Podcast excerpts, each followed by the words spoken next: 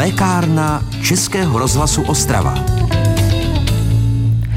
Hezké dopoledne posluchači vám přeji při poslechu naší pravidelné rozhlasové lékárny. Tou dnešní vás bude provázet Ivana Šuláková. Mým hostem u mikrofonu je tentokrát pan doktor Michal Mrůzek, neurochirurg z fakultní nemocnice Ostrava, se kterým si budu povídat o bolestech souvisejících s křížokýštělním kloubem. Špatně se to říká. Vítejte u nás, pane doktore. Dobrý den. Ano, dobrý den, přeji hezké dopoledne všem. A já rovnou přidám i telefonní číslo k nám do studia pro naše posluchače, kteří by se vás chtěli na cokoliv co s naším dnešním tématem souvisí zeptat. Eh, milí posluchači, takže telefonovat můžete na číslo 59 611 22 66. Pane doktore, vysvětleme si nejprve, kde se vlastně nachází ono sakroilikální kloub a jaká je jeho krole. Ano, sakroiliakální eh, kloub, eh, musím si, že to je možná jednodušší, než říkat křížokyčelní kloub, někdy ta latina je přece jednodušší, se nachází, jak už z názvu eh, vypovídá, i z toho českého latinského, mezi křížovou kostí a pánví. Je to kloub, který vlastně nadneseně řečeno spojuje horní a dolní polovinu těla a je zodpovědný za posturu. To znamená za to, jak stojíme, chodíme, je to tedy jeden z kloubů, který samozřejmě, abych byl přesnější, eh, zodpovídá za tu postoru, jak stojíme, chodíme, sedíme. Čili eh, velmi, velmi důležitý kloub. Eh, není to klasický kulový kloub, jako si představíme třeba kolení, ramení nebo loketní kloub. Jedná se o takové dvě styčné plochy, které jsou zdrsnělé na povrchu. V podstatě i ty pohyby potom rezultují, jaké jsou v tom sakroiliakálním kloubu, nejsou jako v tom klasickém kulovém, ale v podstatě ten pohyb tom kloubu se označuje takovým anglickým ekvivalentem nutation, což česky můžeme přeložit jako nutace, ale abychom si představili, jaký tom pohyb v tom kloubu je, jsou, jsou to vlastně takové jemné rotace dopředu a dozadu. Nicméně i toto stačí na to, aby ten kloub přenesl tu axiální zátěž, to znamená tu zátěž té horní poloviny těla na tu dolní, udržel vlastně tu posturu správnou, to znamená to správné držení těla. Pokud se samozřejmě nepokoušíme o to, abychom tu posturu si nějakým způsobem eh, zrušili. A ta funkční jednotka toho sakroiliakálního kloubu funguje tedy tímto, tímto způsobem. Takže jestli tomu rozumím dobře, mm, já jsem si to trošičku načetla, říká se tomu tuhý kloub, ano. Eh, takže když vlastně ty styčné plochy nějak špatně doléhají nebo doléhají jinak, než by měly, tak ten kloub neplní tu svou funkci. Eh, dá se to tak říct, samozřejmě ty plochy nemohou doléhat nebo respektive eh, mohou být posunuty z různých důvodů, ke kterým se jistě později dostaneme. Samozřejmě je třeba si uvědomit, že ten kloub není jenom kost, lidově řečeno, ale navazují na něj vazy, které samozřejmě ten kloub v vozovkách drží pohromadě, a svaly, jo, které taky reagují na různé posuny v oblasti toho křížokýčelního kloubu. Jak se potíže s tím křížokýčelním kloubem projevují na pacientovi? Co ten pacient vlastně cítí? Ten pacient cítí velkou bolest, která bývá nejčastěji po nějaké nevhodné zátěži nebo může být způsobena i jinými faktory. Je to bolest v oblasti buď pravého nebo levého boku, když to řeknu eh, obecně. Eh, ta bolest se může propagovat do dolních končetin, zejména do hýždě a řekněme do horní části stehna po zadní straně. Tomu říkáme takzvaný pseudoradikulární syndrom. To znamená, není to Není to klasická bolest jako při výřezu plotenky, ale v podstatě nezasahuje celou dolní končetinu, ale je tu proximální část, jak říkáme odborně, to znamená tu horní část. Eh, pacienta poznáme s blokádou SJ, jak se říká kilidově, a pacienti to znají pod tímto pojmem spíše eh, podle toho, že chodí s vysazeným bokem na jednu stranu, má bolestivou samozřejmě grimasu v obličeji a e, když stojí, tak má nakročenou jednu na té postižené straně, jednu nohu dopředu, druhou dozadu a tam tak vlastně jakýmsi způsobem vyrovnává nebo se snaží dostat e, do toho postavení, aby ten kloup nebolel. Za tu bolest jsou zodpovědné jednak ty vazy a jednak samozřejmě tím, že ten hyžďový sval se snaží vykompenzovat to postavení v tom křižokyčelním kloubu, tak se bolestivě stáhne, tam je, vznikne takzvaný spasmus a pacient má bolesti. Co je vlastně příčinou tady těchto problémů? Co zatím stojí nejčastěji? Těch příčin je e, samozřejmě celá řada. Nejčastější příčinou je, jak už jsem přeřekl eh, přetěžování toho křížokýčelního kloubu. Bývá to nejčastěji po nějaké nevhodné práci nebo nevhodném zvednutí nějakého břemene nebo při delší práci, řekněme v nefyziologické poloze, třeba automechanik eh, v dlouhodobém předklonu i lékař, konec konců chirurg, který se sklání nad operačním stolem třeba 4-5 hodin a stojí v této vynucené poloze, tak jistě z toho, z toho ty potíže jsou. Dále další příčinou jsou nevhodné, nevhodná nějaká sportovní zátěž, golf, nevím, tenis, prostě zátěž nebo sportovní zátěž spojená s rotacemi, a v neposlední řadě to jsou i záněty v oblasti sakroiliakálního kloubu, které mohou být, můžou být různého původu a e, artróza, která samozřejmě, jak je v kyčelních kloubech, tak samozřejmě může být i v oblasti toho sakroiliakálního kloubu v pozdějším věku. Záleží na tom, jak samozřejmě se k té páteři, volovka nebo tomu chloubu chováme. Bolesti související s křížokýčelním kloubem, to je dnešní téma lékárny Českého rozhlasu Ostrava, kterou právě posloucháte. Máte-li chuť se zeptat v této souvislosti na něco našeho dnešního hosta, můžete telefonovat hned po písničce na číslo 59 611 22 66. Odpoví vám pan doktor Michal Mrůzek, neurochirurg z fakultní nemocnice v Ostravě. Český rozhlas Ostrava, rádio vašeho kraje.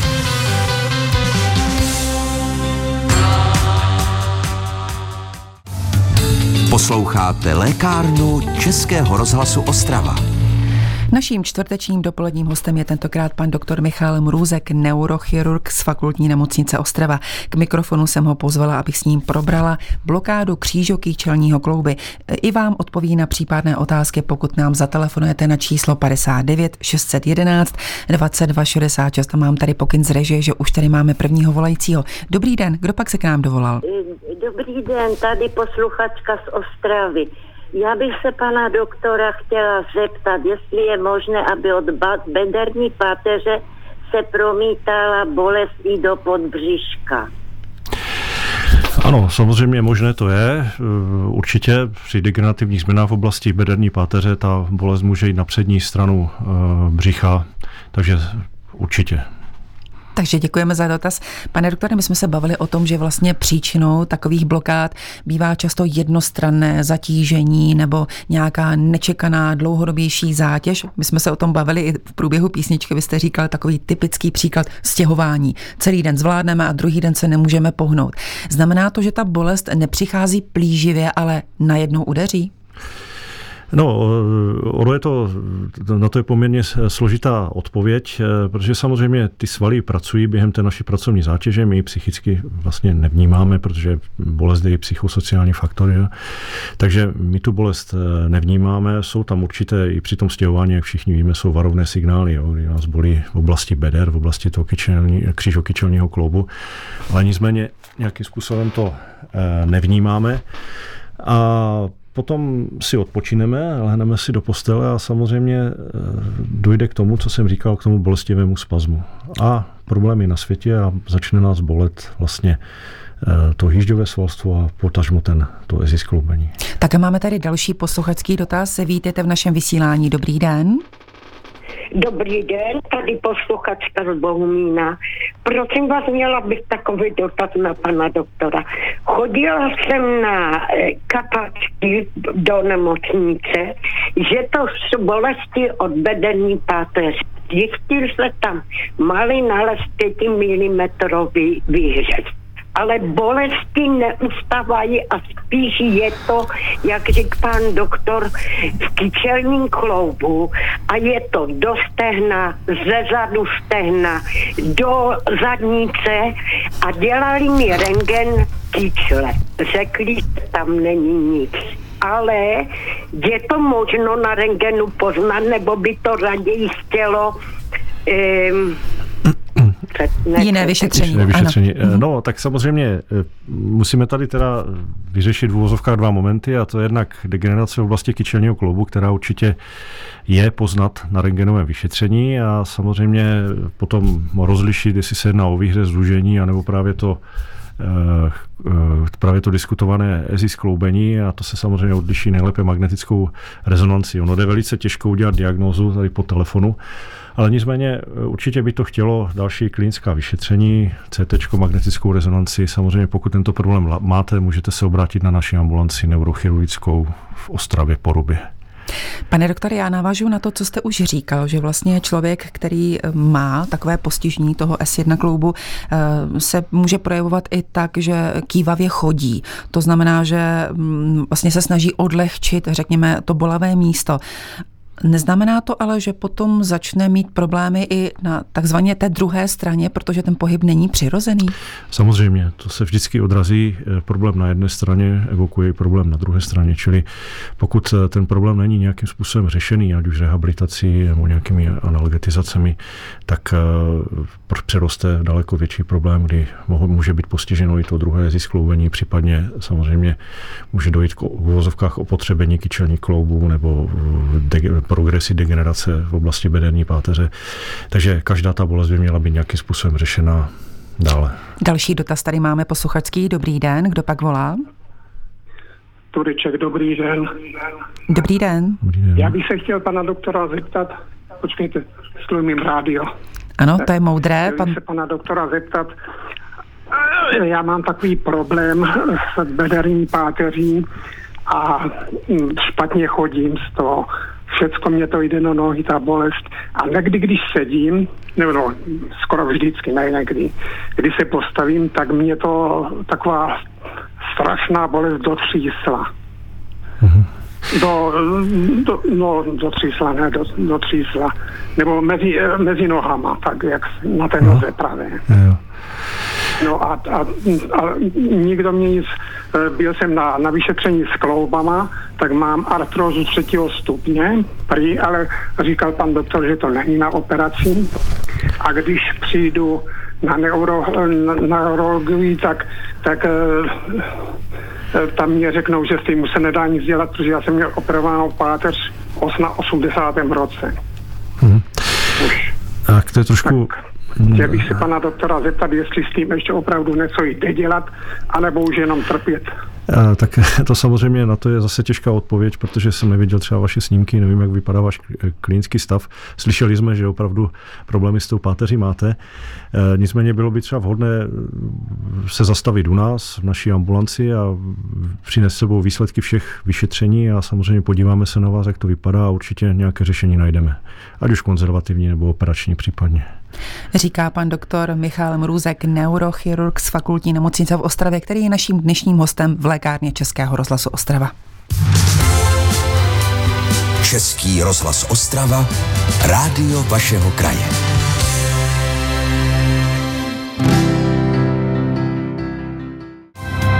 Posloucháte lékárnu Českého rozhlasu Ostrava.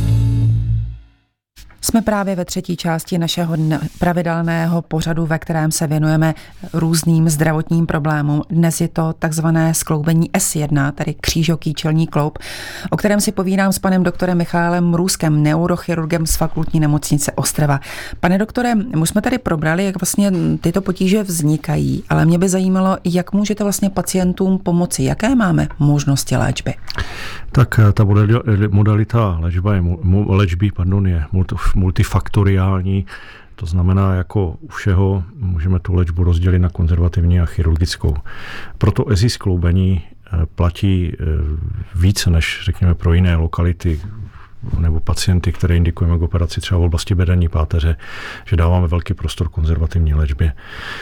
Ta spočívá jednak, řekněme, v takové semi-invazivitě, to znamená obstřiky, v případě radiofrekvenční ablace a nedílnou součástí rehabilitace, takzvaná mobilizace zisk kloubení vycházející z Dornovy metody, to by jistě popsal líp fyzioterapeut, tak ta je základem. To znamená, my řekněme v té akutní fázi, pokud pacient přijde v akutní fázi do naší ambulance, má bolesti v oblasti toho EZI, tak indikujeme o obstřik, znamená pod, buď takzvaně naslepo, ale lépe pod rengenem nebo pod ultrazvukem, kdy v podstatě eh, do toho EZI skloubení vpravíme lokální anestetikum a kortikoid A potom dále pacienta analgetizujeme podle stavu samozřejmě, někdy pomůže ten obstřik, někdy ještě analgetické infuze, další analgetická léčba a pokud se to sklidní, tady toto, tak potom následuje rehabilitace. Předpokládám, že rehabilitace je během na dlouhou trať. Rehabilitace je během na dlouhou trať, protože ono nestačí jenom zmobilizovat desi skloubení, ale spravit eh, to, to téma, o kterém jsme mluvili, a to, to znamená tu posturu. To znamená ten pacient, aby správně chodil, aby měl správné pohybové stereotypy. Není to jenom otázka, řekněme, nějakého se deseti sezení rehabilitačních, ale je otázka třeba i roku. Je třeba si uvědomit, že na ty nevhodné stereotypy si zaděláváme celý život a to až na nějaké světlé výjimky každý z nás. A ta léčba eh, je potom odpovídá vlastně délce, délce toho, jak špatně eh, tu postoru dodržujeme. Takže tady není na místě netrpělivost, opravdu ty rehabilitace je běh, souběh na dlouhou trať. Chápu to dobře, že vlastně vy pacienta naučíte, jak správně nakládat se svým tělem a on to potom musí praktikovat denně vlastně i, i v soukromí. Ano, eh, nenaučí ho to neurochirurg, naučí ho to fyzioterapeut, ano. ale eh, samozřejmě potom musí myslet na to, jak, jak, ty, jak ty stereotypy praktikovat v tom běžném denním životě. Eh, tady samozřejmě cvičení je důležitá součást, to znamená to cvičení, které se naučí, ale nicméně eh, ty denní stereotypy, to je, bych řekl, ještě daleko, daleko důležitější složka tady tohoto problému.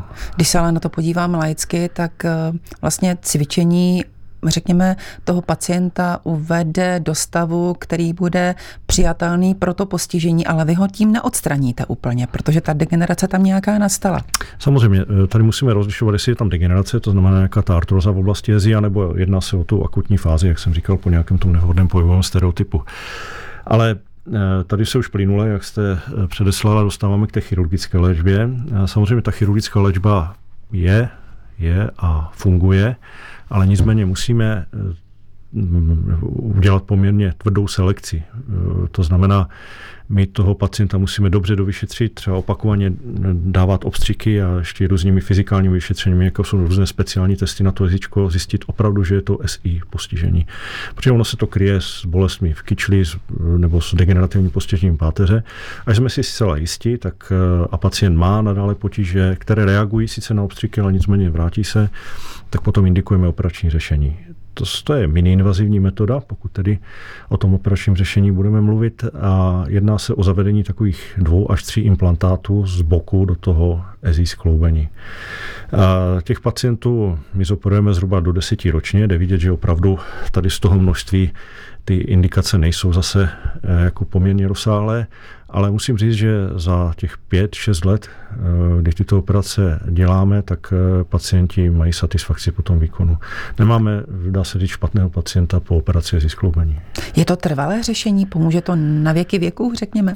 No tak těžko vám můžu říct, že přece jenom ta metoda, ta metoda, tady tato nová metoda, protože ono se to řešilo jinak v minulosti, ty, ten, ten outcome, no, ty výsledky máme zhruba, zhruba šesti, šestileté, ale zatím ten, ten výhled do té budoucnosti je optimistický. Má pacient po takovém chirurgickém zákroku nějaká omezení, anebo se vrací do svého, řekněme, ke svému běžnému životu? Tak bezprostředně po té operaci eh, pacient odlehčuje pomocí dvou francouzských holích přirozeně, aby eh, zmenšil tu axiální zátěž na to jezi skloubení, aby se ty implantáty ujaly takzvaně. To znamená, princip té operace je, aby došlo k takzvané DZ, to znamená srůstu, jak bych to řekl lidově, srůstu toho ezí skloubení, takže tam určitým způsobem se musí to ezičko odlehčovat zhruba po, dvou, po dobu dvou měsíců, potom nastává rehabilitace a poté se pacient může vrátit ke svým běžným denním aktivitám. Říká pan doktor Michal Mrůzek, neurochirurg z fakultní nemocnice v Ostravě, který je hostem naší dnešní rozhlasové lékárny. Její poslední část mám být hned po písničce. Český rozhlas Ostrava. Rádio vašeho kraje.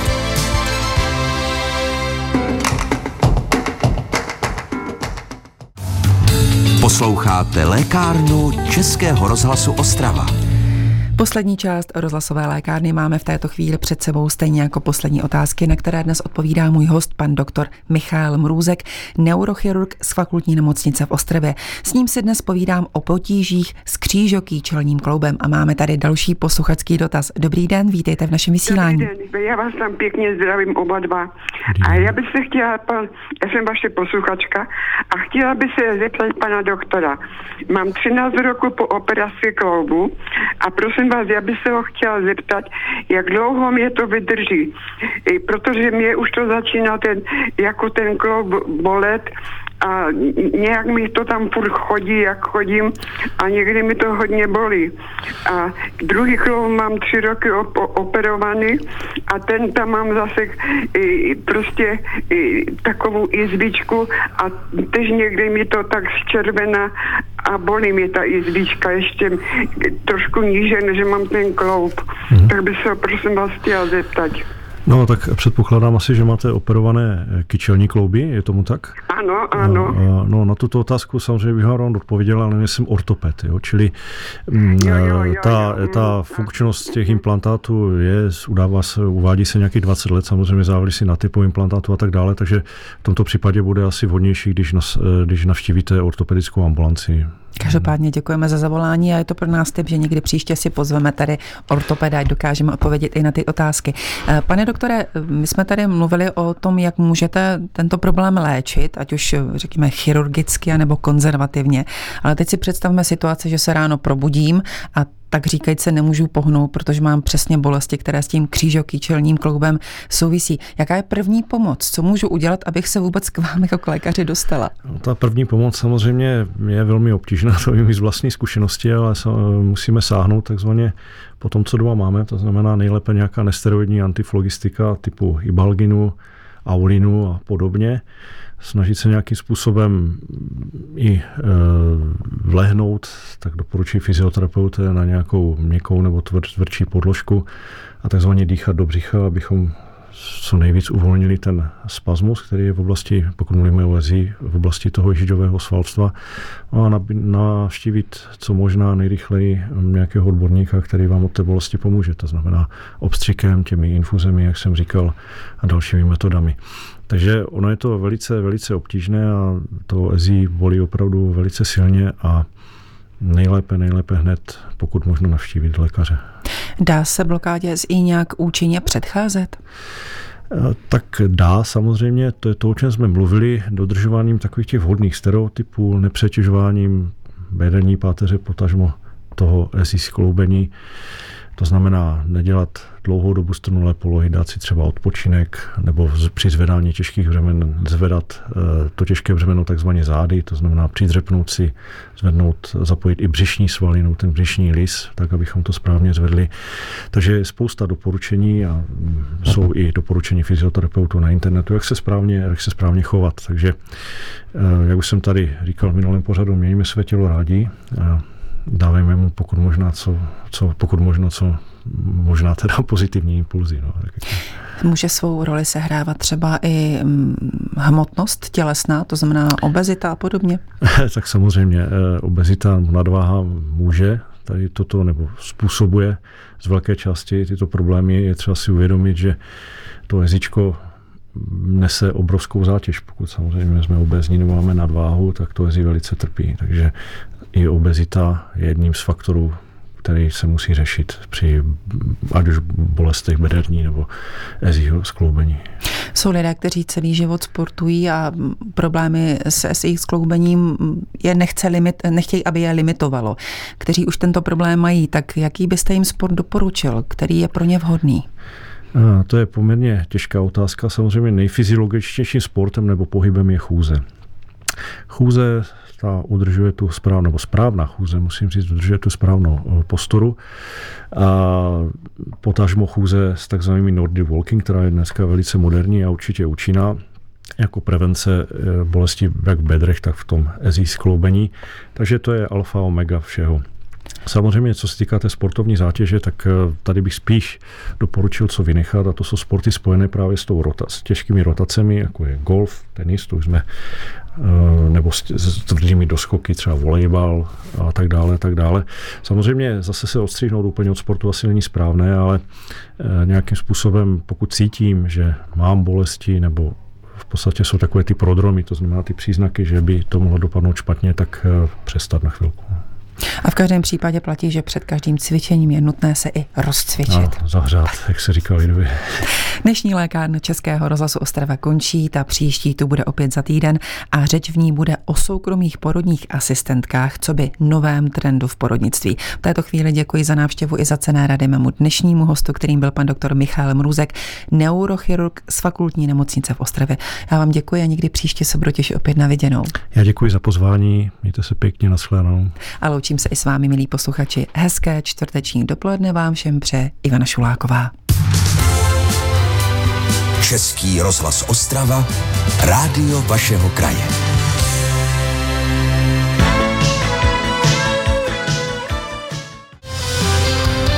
Posloucháte Dobré ráno Českého rozhlasu Ostrava. Chtěl bych napsat báseň. Součástí je Dobrého dopoledne.